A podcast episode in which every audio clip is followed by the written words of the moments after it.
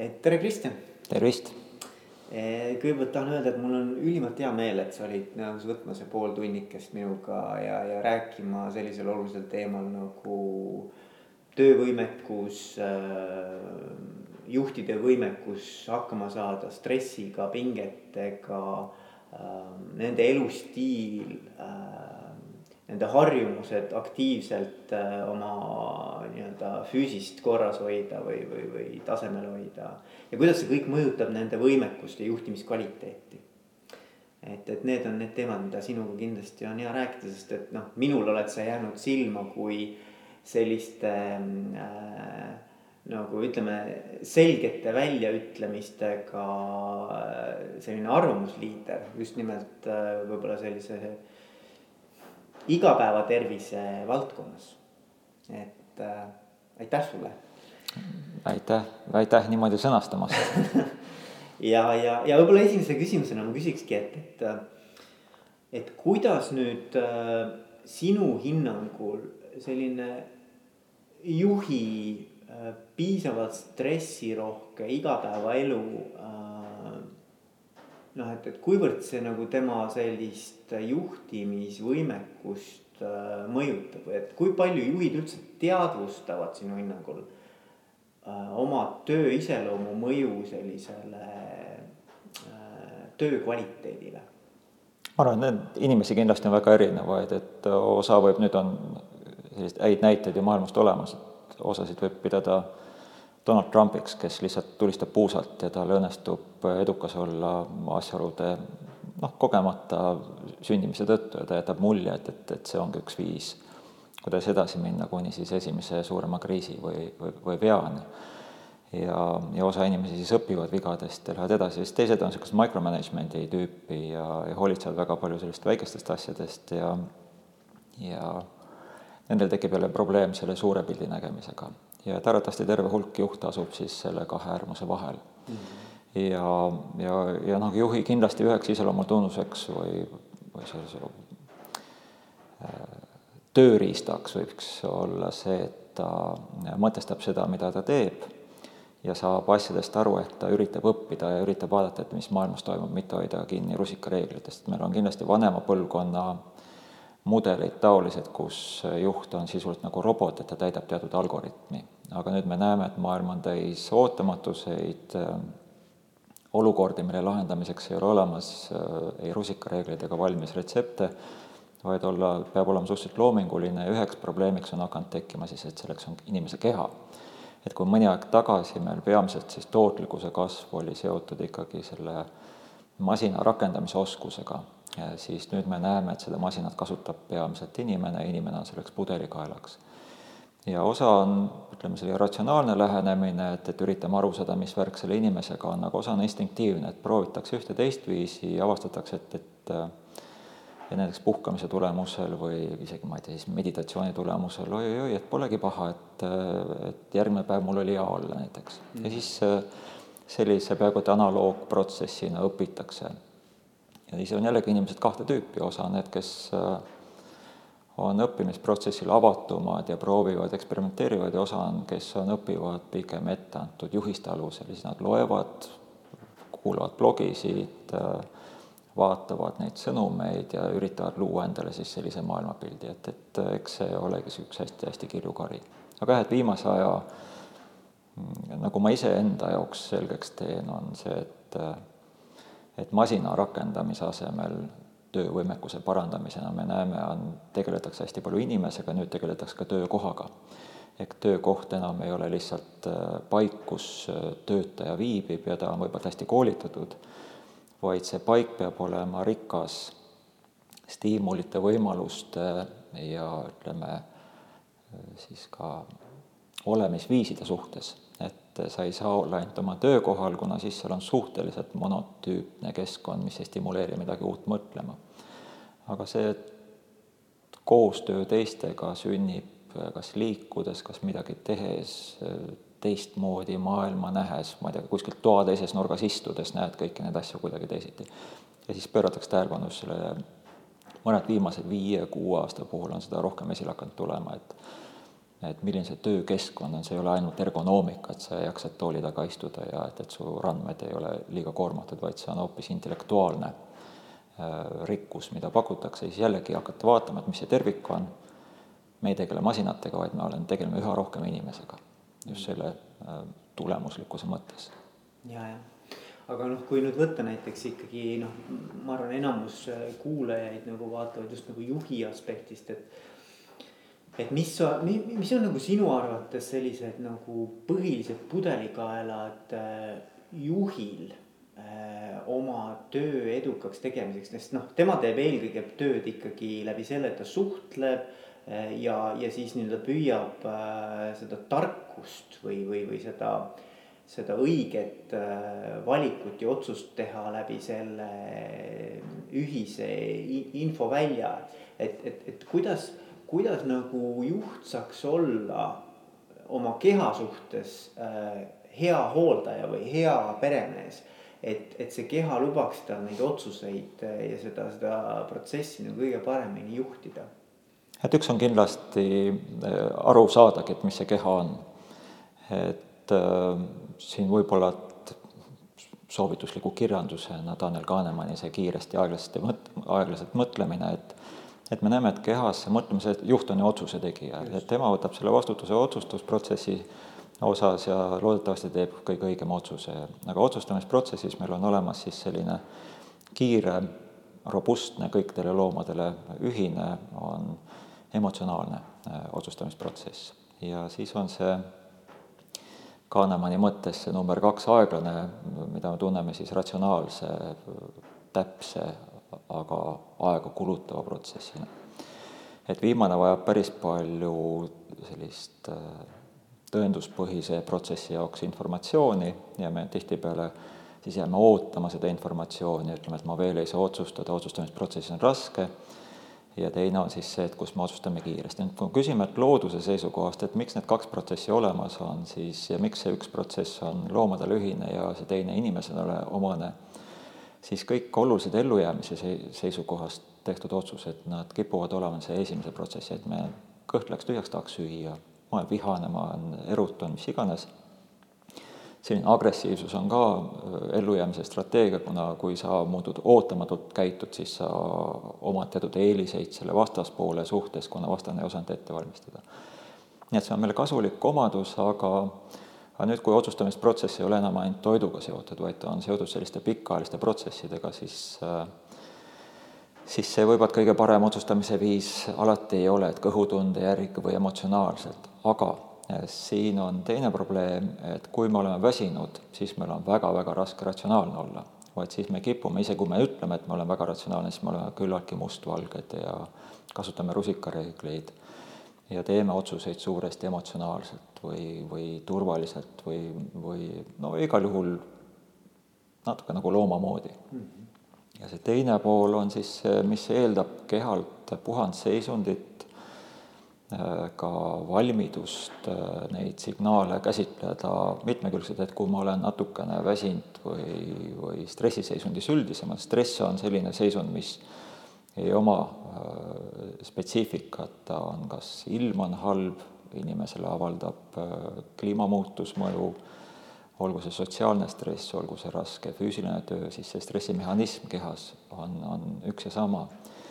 ja see omakorda äh, kulutab energiat, ta vähendab kesknärvisüsteemi ressursikulu, et me teame, et, et närvis inimene, närvis loom on väga etteaimamatu, et ta tegelikult ei mõtle väga palju läbi ja see on nüüd see kaasaegne probleem, et äh, meie tahame küll ratsionaalsed võib-olla olla ja näeme, et see protsess vajab rohkem informatsiooni, isegi ma ei tea, haige diagnoosimine, siis suur hulk sellest on sellist äh, pinnapealset äh, kroonilises väsimusseisundis tehtud tegelikult emotsionaalne otsus. ja millele me otsime ja jällegi seda Kahnemani selgitusest tuleb ilusti välja, et kõigepealt tulistame puusalt ja pärast küsime, kas on tõendeid, mis seda pooldab mm. ja siis me näeme ainult neid tõendeid, mis seda õigustavad ja me ei näe seda teist poolt.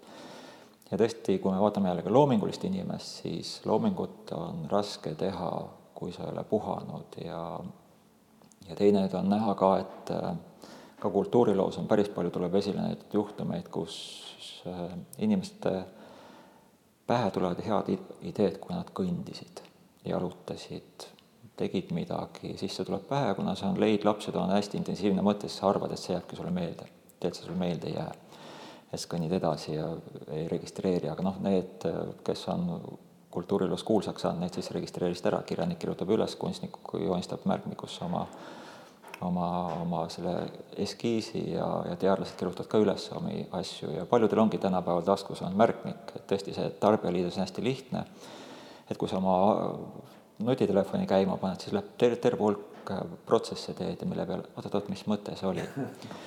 aga just, et see, need, need näited just toovad esile selle, et, et sellise leidliku asja äh, või ülesande lahendamine, mis eeldab leidlikkust, mitmekülgset mõtlemist, äh, selle puhul me peame olema, peaksime olema rahulikus seisundis, kus äh, aju-verevarstus on hästi toetatud ja, ja vot see on see koht, kus kaasaegne kultuur seda hästi ei võimalda.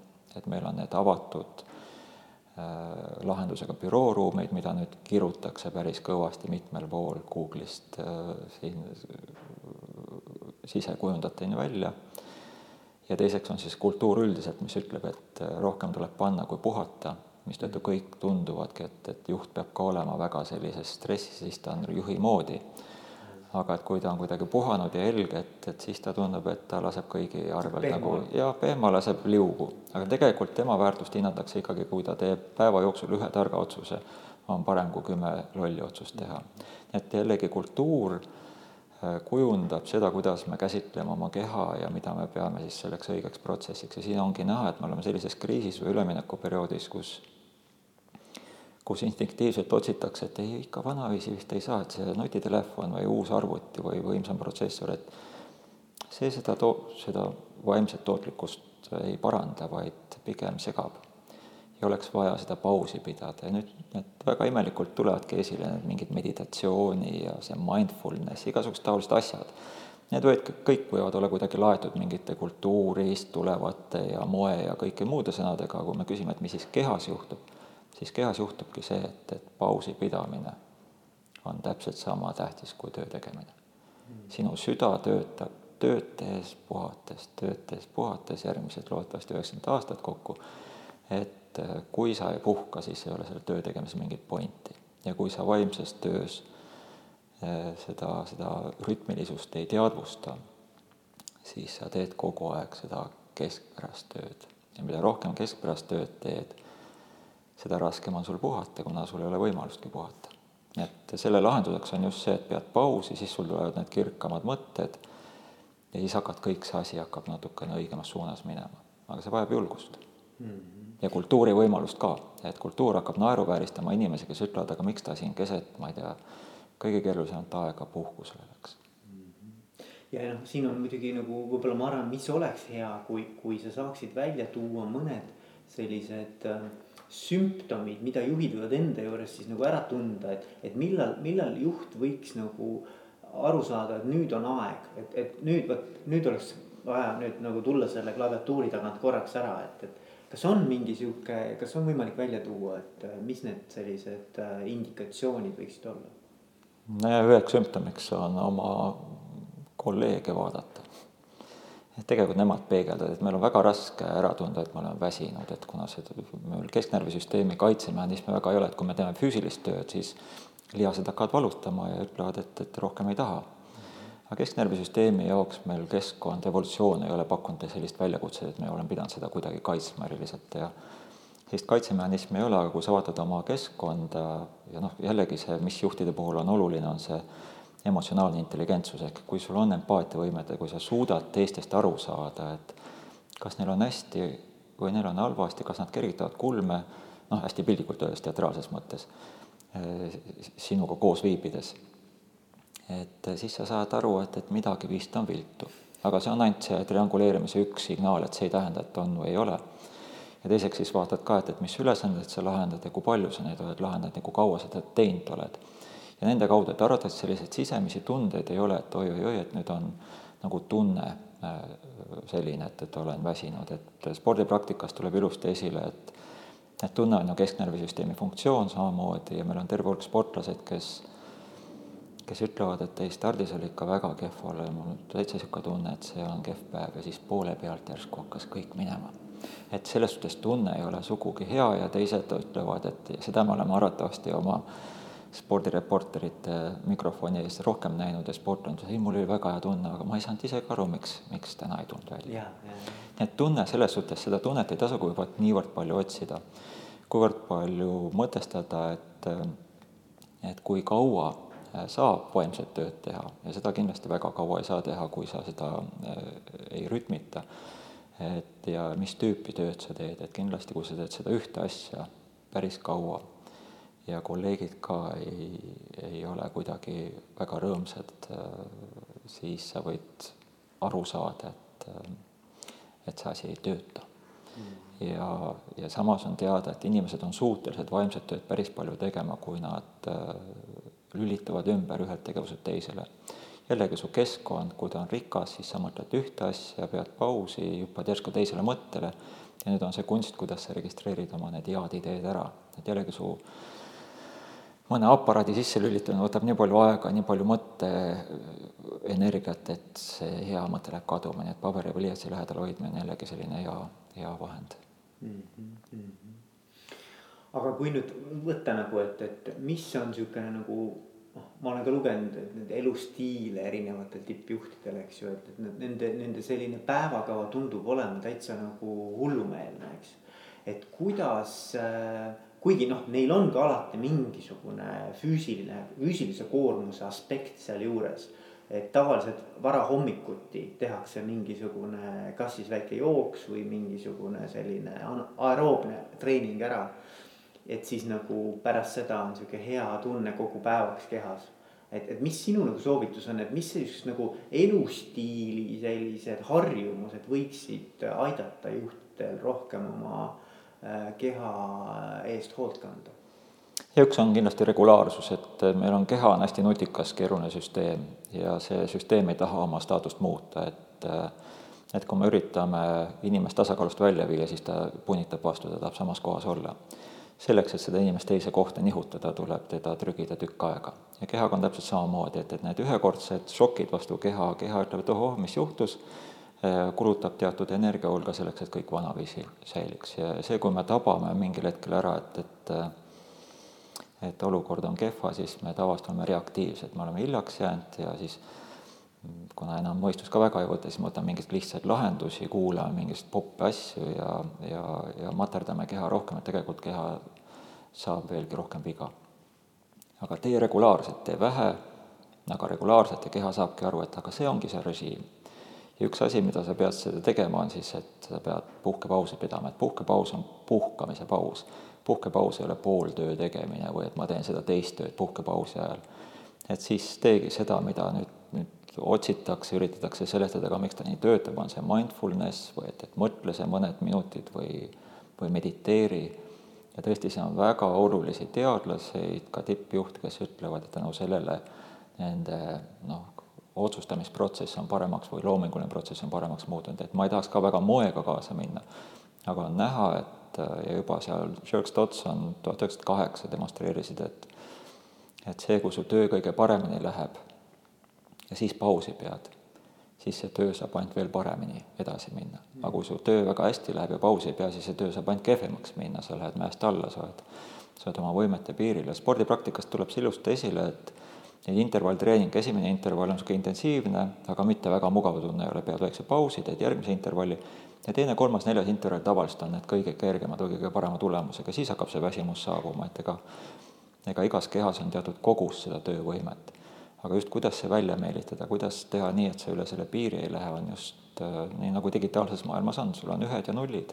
sa ei saa öelda, et ma programmeerin arvutit ainult ühtedega mm, -hmm. vaid sa pead nende nullidega või negatiivse ruumiga või mis iganes esteetikas ka on olemas, on mustriip ja on ülejäänud taustasüsteem, et, et sa pead seda ju ka juhtima. ja see, mida meil puudub ja kultuuris ei ole, on see, et meil on tohutu palju indikatsioone, mõõt, mõõdikuid ja kvaliteedimääratlusi töökohta ja meil ei ole mitte ühtegi kvaliteedimääratlust puhkuse kohta.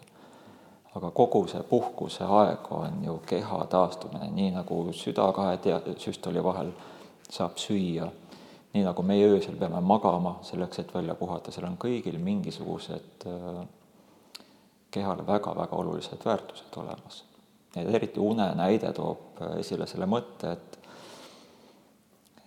et magav inimene või magav loom on ju suurepärane saak. vastu ei hakka, ta ei saa arugi, mis on, sa võid seda poolenisti poole ära süüa ja siis, siis ta ongi sinu oma. et miks loodus on, kõik loomad, arvat-, üldiselt putukatest kuni kõrgemate imetajateni välja, miks loodus sätib nad nii ohtlikku olukorda, kus nad võiks ära süüa? aga järelikult peab see magamine olema väärtuslikum kui see risk.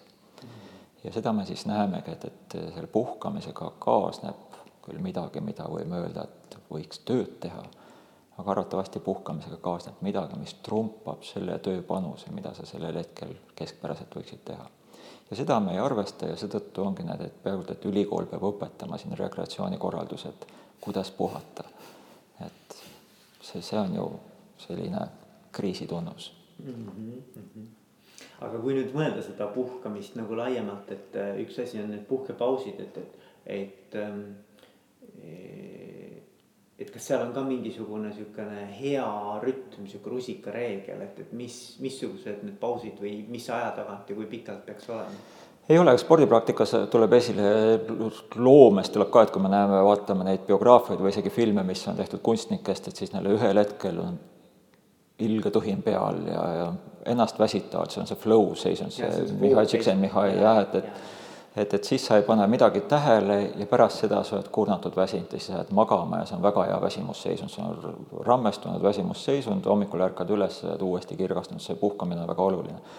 et, et mõnikord me oleme suutelised tegema väga pikalt, aga me peame teadvustama, et puhkus ise on väärtus, mille, mille, mille eest me peame hoolt kandma ja see ei saa lihtsalt juhtuda aeg-ajalt, vaid me peame iga päev mõtlema, et näiteks lõunapaus ei ole mitte saia söömine klavi, arvutiklaviatuuri taga, ühe silmaga teed endiselt seda tööd edasi, vaid lõunapaus on mine ära oma töökohalt, mine sööklasse, kuhu iganes, ära mõtle mitte millelegi, söö ja, ja sul hakkavad mingid hoopis teised mõtted tulema, siis tuleb oma töökohale tagasi, mõtled, oota, mis asi siin oli. vot see on puhkus. et siis sa ei ole sedasama protsessi jätkanud, needsamad kesknärvisüsteemi koormatud jutumärkides lihased said puhata ja sa saad järgmise töö tsükli teha. Aga siin ei ole vastust, et erinevad tööülesanded, erinevad need intellektuaalsed väljakutsed on no oma olemuselt niivõrd rikkad, et me ei saa öelda, et kõik on pool tundi ja kümme minutit pausi, pool tundi ja kümme minutit pausi. aga, aga sellist noh, kui see koolitunnid laste puhul on teada, et seda keskendumisvõimet ei jätku üle poole tunni. et aga jällegi, kui me lülitame ühelt tegevuselt teisele, kui see tegevus on loomingulisem, siis me võime sellesse tegevusse jääda päris mitmeks tunniks ja mitte midagi ei juhtu mm.. aga mõne ülesande lahendamisel või siin on üks huvitav äh, seos meie töömäluga, et, et, et nii palju elemente, kui me hetkel töömälus suudame hoida, et selle mahtuvus on sellised kuus, seitse, kaheksa elementi, et nii palju asju, kui me töömälus suudame hoida, nii paindlikud me oma intellektuaalses tegevuses oleme. ja see töömälu ei on nagu trepikoda, et sinna võib igasuguseid asju jääda ja sul ei ole, et sa tegeled mingite muude signaalide analüüsiga, muude mitteteadvustatud mõtetega ja tegelikult sa opereerid kahe või kolme sellise mõttega, see on sinu intellektuaalse töö seisukohast palju kehvem seis. järelikult sa pead hoolitsema nii puhkuse kui ka selle töökeskkonna eest, et seal neid segavaid signaale ei oleks. Aga just, et see väsimus vähendab ka töömälu ja seda on teada, et töömälu väga treenida ei saa, aga töömälu omakorda on seotud intellektuaalse suutlikkusega mm. -hmm. jällegi see suurem nagu rusikareegel on pigem, et ma tean, et ma pean puhkuse eest hoolitsema, ma tean, et ma pean sellest trepikojast korra harjaga üle käima, et kõik need töömõtted sealt ära viia, võivad hoopis mõtelda, et kuidas kartul kasvab, kui sa seal kartulit parajasti nosid, et, et aju ei saa välja lülitada, et, et kõik need rakud tahavad elus olla aga lihtsalt need mõtted ei ole samas kohas mm. -hmm. siis sa tuledki, avastad, et oot-oot, mis asi oli ja siis täiesti uue nurga alt ja see ongi see intellektuaalne reipus ja, ja, ja töövõime, et sa näed sedasama uue nurga alt, et kuidas ma siin äsja sellises lok-, lõksus olin, et see lahendus on ju selline.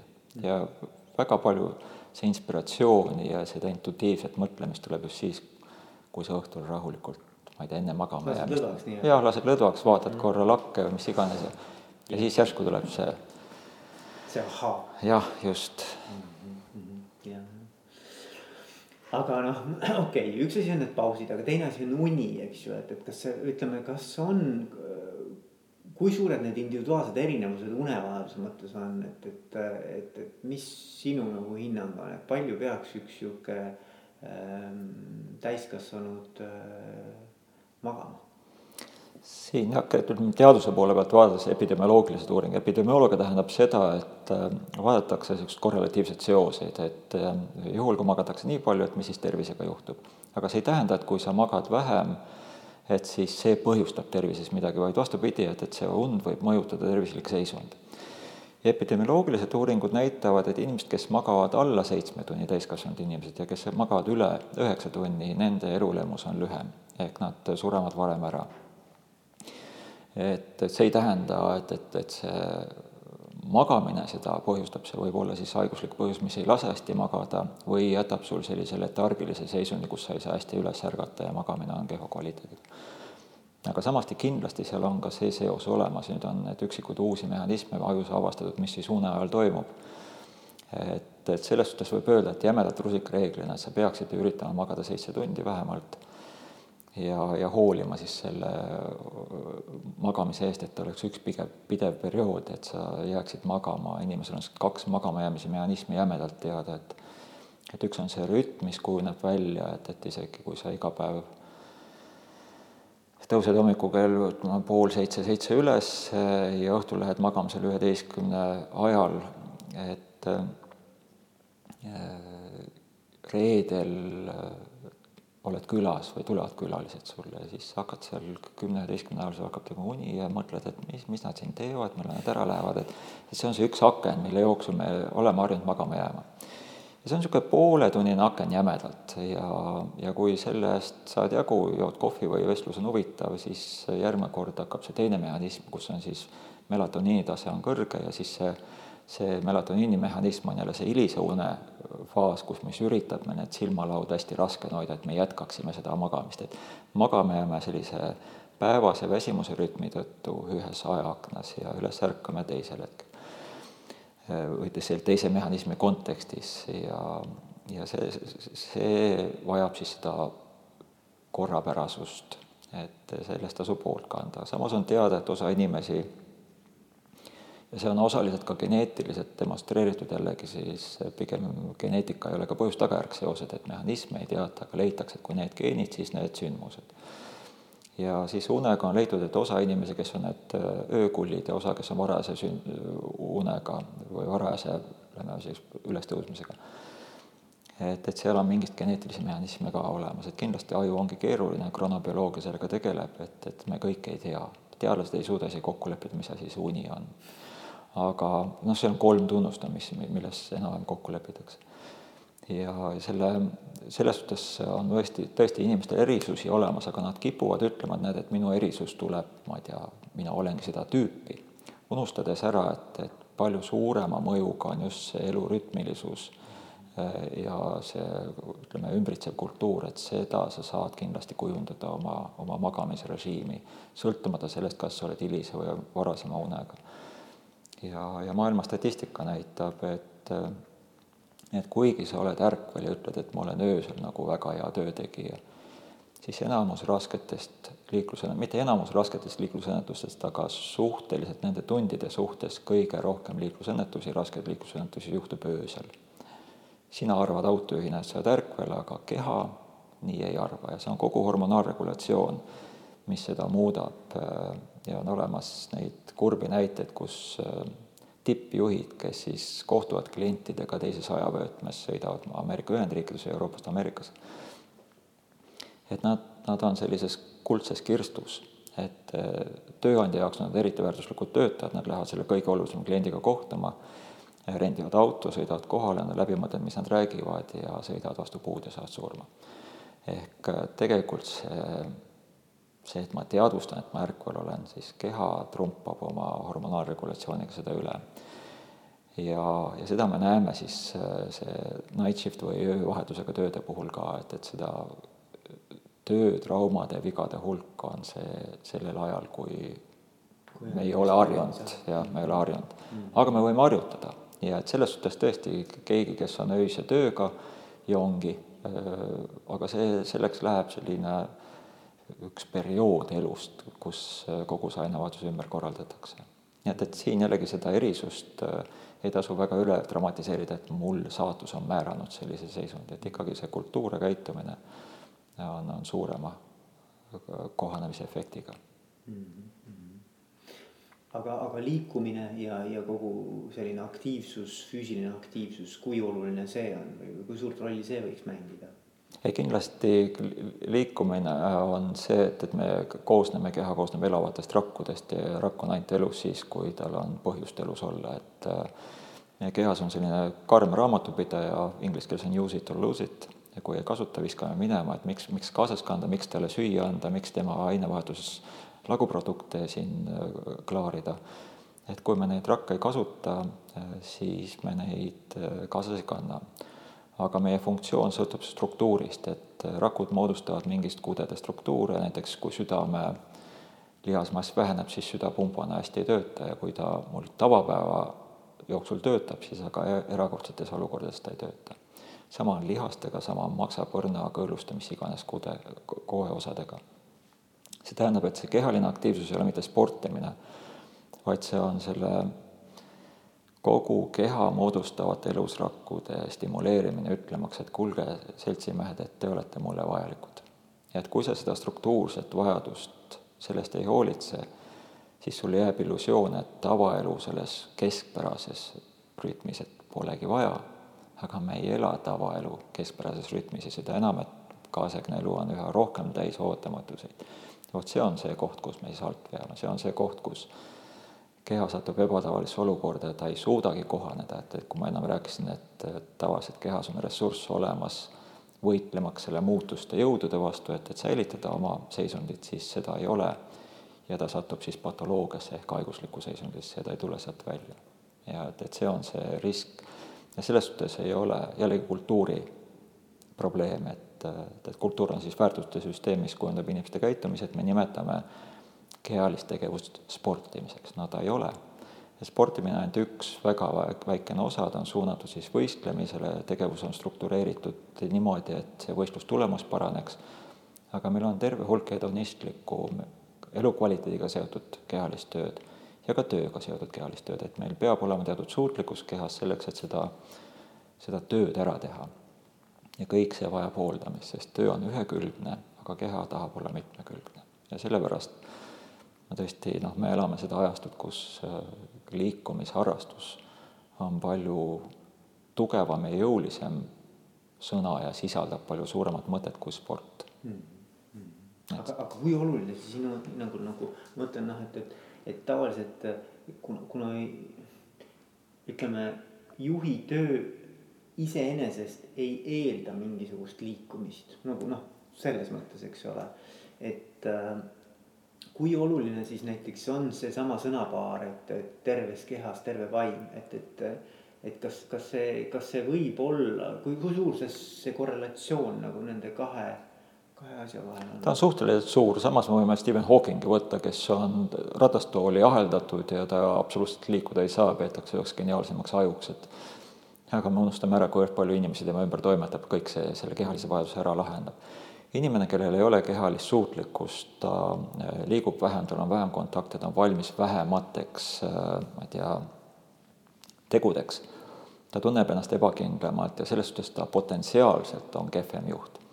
ja võrreldes selle juhiga, kes äh, no üks osa liikumisest ja sellest spordist on mäng ja see rikastab seda ütleme, käitumis ja sotsiaalsete kontaktide, sotsiaalse mängu ja see, selle emotsionaalse intelligentsuse osakaalu koha, et jällegi see, sul ei pea mitte lihased olema, vaid sul peab olema see mitmekülgne kogemus, kuidas sa oma keha kasutad koos teiste inimestega, et see sport on hästi huvitav, ütleme liikumisharrastus ka nüüd, et on hästi huvitav sotsiaalne nähtus ja juhile tuleb see kasuks.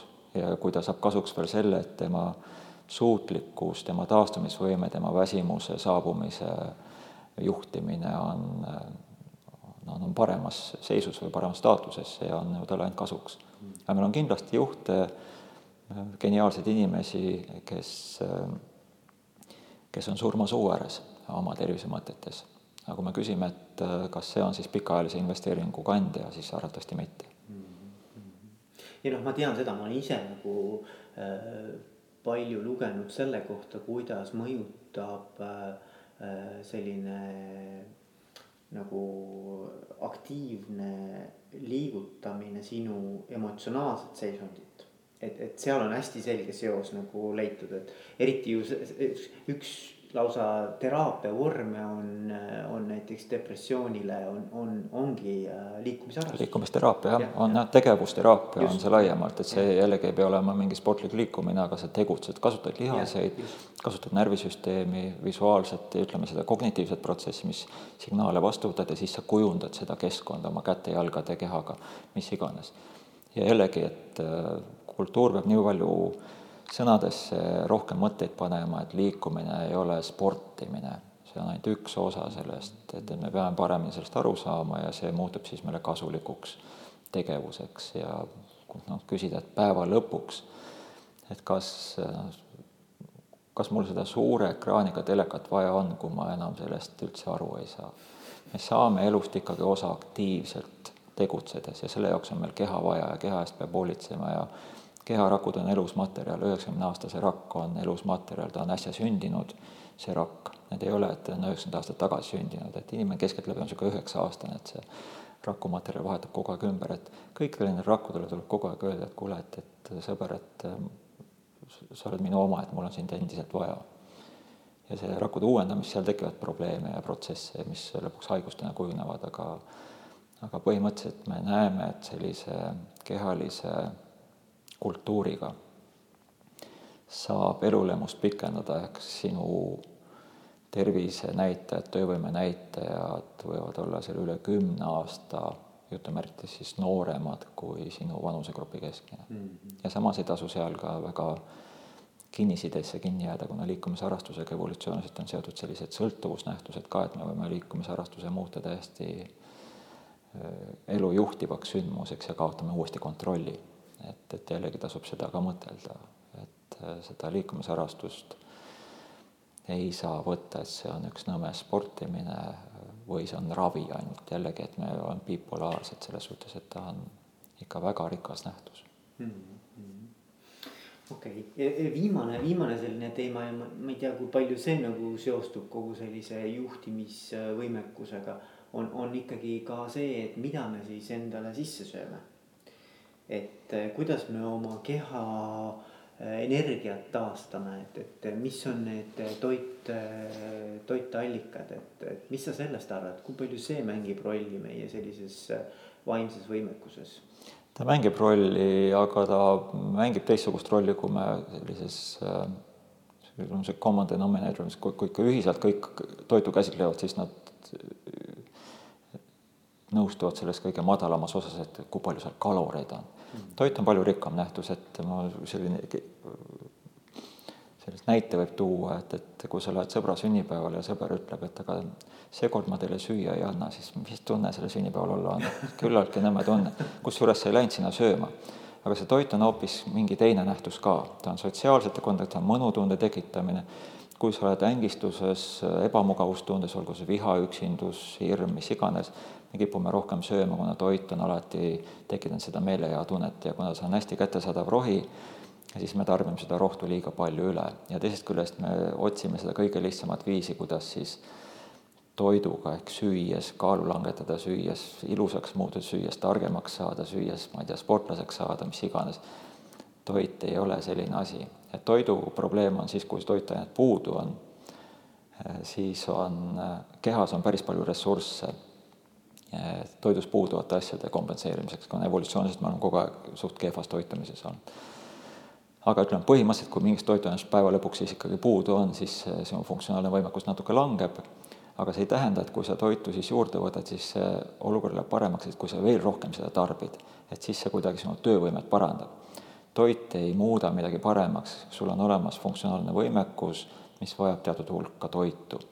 Ja toit ise ei ole nii nivelleeritav, et oi, et seekord paneme natuke magneesiumit rohkem ja seekord paneme mingisuguseid muid bioaktiivseid aineid rohkem, et et meie seedetrakt suust algab ja, ja teatud kohas lõpeb ära, et see niisugune üheksameetrine toru, et see on keha välispind. Ja see on täidetud umbes ütleme neli-viis, kuus korda rohkemate rakkudega kui meie enda keharakud, need on võõrad rakud, need on mikroorganismid, mis tegelevad siis äh, suures osas oma elamisega, niisugune sümbiootiline elu, et nad kasutavad seda head sooja kohta ära, kuhu kogu aeg toitu lisatakse ja osa nendest on siis meile kasulikud, nad aitavad toitu töödelda moel, mis on meile kasulik, teevad toidu kättesaadavaks ja osa elavad sellist elu, mille tulemus võib meiega konfliktis olla, nagu laguproduktid võivad meile ohtlikud olla ja nii edasi. ja selles suhtes lihtsalt öelda, et vaata, et kui ma praegu panin suhu natukene rohkem seda ainet ja natuke rohkem teist ainet, siis ta läheb ühte kosmosesse, kus on rohkem rakku kui minu keharakke ja selles kosmoses ots-, otsustatakse, mida mina üldse saan, et sellest seedetraktist imendub toit alles mm. mulle pärast seda, kui nemad on otsustanud, mis värk on. ja, ja see toit siis kombineerub väga, väga mitmel moel, millest suurt osa me ei tea. Et kui me võtame mingi rohelise taime, seal ei ole süsivesikud, valgud ja, ja lipiidid ega vit-, vitamiinid, mineraalid ega vesi. see on umbes kaksteist tuhat keemilist ühendit, mis võib jagada nendesse kategooriatesse. aga kuidas need keemilised ühendid kombineeruvad suus, seedetraktis, vereringes ja lõpuks selles, kui nad lülitavad energeetikasse, see on meile suuresti teadmata. Ja me teame näiteks kohvi juues raua eemendamine on pärsitud, õuna süües raua eemendamine on pärsitud, et et need toit, toidus leiduvad ühendid omavahel kombineerides mõjutavad, mida me saame, mida me ei saa, mõnikord saame ühte rohkem, mõnikord teist teist vähem. ja seetõttu selle toiduga mängimise eh, ei anna seda ootust nagu rooli keeramine autos. aga toitumise eest peab hoolitsema, et, et jällegi siin on ka üks evolutsiooniline nõrk koht, et kui me stressis oleme, siis stressimehhanism on universaalne ja keha valmistab ette ennast tavaliselt evolutsiooni taust on olnud mingisuguseks kriisiks. See kriis on tavaliselt lahendatud kehalise tegevusega, sa jooksed kas mõõkambulise tiigrist ära või ajad ise toitu taga, et äh, see stressiseisund on siis see, kus, kus keha äh, peab äh, ümber orkestreerima oma energiakasutuse. ja üheks stressireaktsiooni iseloomulikuks tunnuseks on siis see, et kasvab isu energiatiheda toidu suhtes, kuna sa pead energiat kulutama. Ja nüüd, kuna me oleme stressis teistsuguses džunglis, kus jooksma ei pea, vaid istud laua taga ja liigutad oma arvutihiirt kõige rohkem, et et siis me ei pane tähele, et me eelistame energiatihedat toitu ja kehakaal hakkab tõusma. Mm.. ja meie toitumine muutub ühe, ühetüübilisemaks ja kui kehakaal tõuseb, siis me väldime seda kehalist pingutust nii või teisiti. Ja see on, et see on selline lõks. siis me hakkame kuulama neid äh, huvitavaid dieete, mis äh, mille paradoks on see, et järgmine aasta samas ajakirjas on juba uus dieet, et järelikult eelmine dieet ei töötanud aga, aga me ei saa sellest aru ja, ja siis me üritame kuidagi dieediga manipuleerides äh, terveks saada või, või oma vaevused kõrvaldada, aga see probleem on hoopis mujal. nii et selles suhtes toitu, toitu tasub tõsiselt suhtuda, aga, aga see ei ole sellise peenhäälestamise koht. et kui sul on tõsine haigus, et äh, kliiniline dietoloog kindlasti haiget inimest saab toiduga kujundada, aga aga töövõimet, tarkust, mis iganes ilu toiduga manipuleerides on ainult probleemi lahendamise edasilükkamine, vale, vale ülesande lahendamine mm., raha raiskamine ka mm. nojah, ma tean, et vaata, et paljud juhid ju toituvad väga ebaregulaarselt, et see, ma arvan, et üks, üks teema kindlasti, et. et kuna see töögraafik dikteerib toitumisgraafiku, mitte vastupidi, eks ole, et siis ma arvan, et see on üks koht, mis tasub endale kindlasti ka, ma arvan. see on kin-, kindlasti see ja teine on see, et kui sa, äh, see on huvitavaid tähelepanekuid, et äh, kas, kas vitamiine tasuks süüa, et meil on, vanaema ütles, et söö vitamiine, ema ütles, et söö vitamiine, sa näed reklaame, et söö vitamiine ja nii edasi. meil on hästi suuri äh, uuringuid seal üheksakümnendate aastate esimeses pooles, ma mäletan Soome uuringut, kus vaadati, et vitamiinisööjad, mehed, üle viiekümne aastased suitsetajad, ehk neil on oluliselt kõrgenenud kopsuvähi risk. Ehk siis vaadati, et kes söövad vitamiine, kes ei söö vitamiine, tuli välja, et need, kes söövad vitamiine, vähk esineb sagedamini, surevad varem ära. et oi-oi-oi, et mis, mis värk on. siis on äh, neid teisi uuringuid, siin on mingi üheksateist tuhande äh, inimesega tavalise, tavalist elu elava inimesega Ameerika Ühendriigist läbi viidud uuring, kus leiti ka, et, et vitamiini söövad naised surevad varem, rinnavähk esineb sagedamini ja meestel esines seal äh, siis äh, eesnäärmevähki ja surid südamehaigustesse varem ära, kes vitamiine sõid oi,. oi-oi-oi, et mis need vitamiinid siis inimesele halba teevad. siis on neid metaanalüüse tehtud, kus on palju uuringuid kokku võetud ja metaanalüüsid jõuavad ka seal, ma tean ühte uuringut, mis oli kakssada kolmkümmend tuhat inimest ja mit-, mitme aasta jooksul.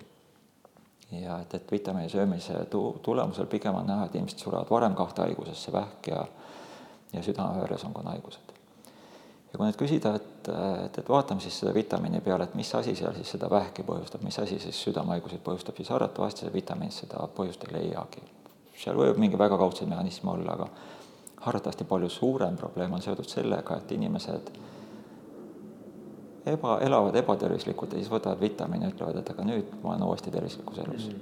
-hmm. vitamiin ei muuda midagi ja, ja seega sa ei saa oma kehva elukorraldust äh, nagu kompenseerida. kompenseerida või katoliku kirikus siis raha maksta kirikule.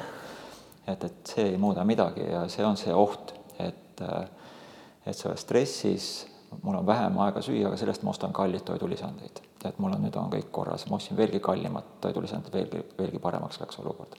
teed ei lähe olukord paremaks mm. -hmm. ja siis on see stressist tingitud äh, süsivesikute ületarbimine ja üks ameeriklane äh, Brian Wansink on siis uurinud, ta on uurinud, palju inimene päeva jooksul toiduotsuseid teeb, inimene teeb seal kakssada, kakssada kolmkümmend toiduotsust päevas. me teadvustame nendest võivad paarikümmet ja need lihtsalt juhtuvad, sest toiduotsus on ka see, et ma seda ei söö, mul pole aega või seda ma ei taha või see inimene on seal sööklas, ma ei lähe sööma, on ka toiduotsus.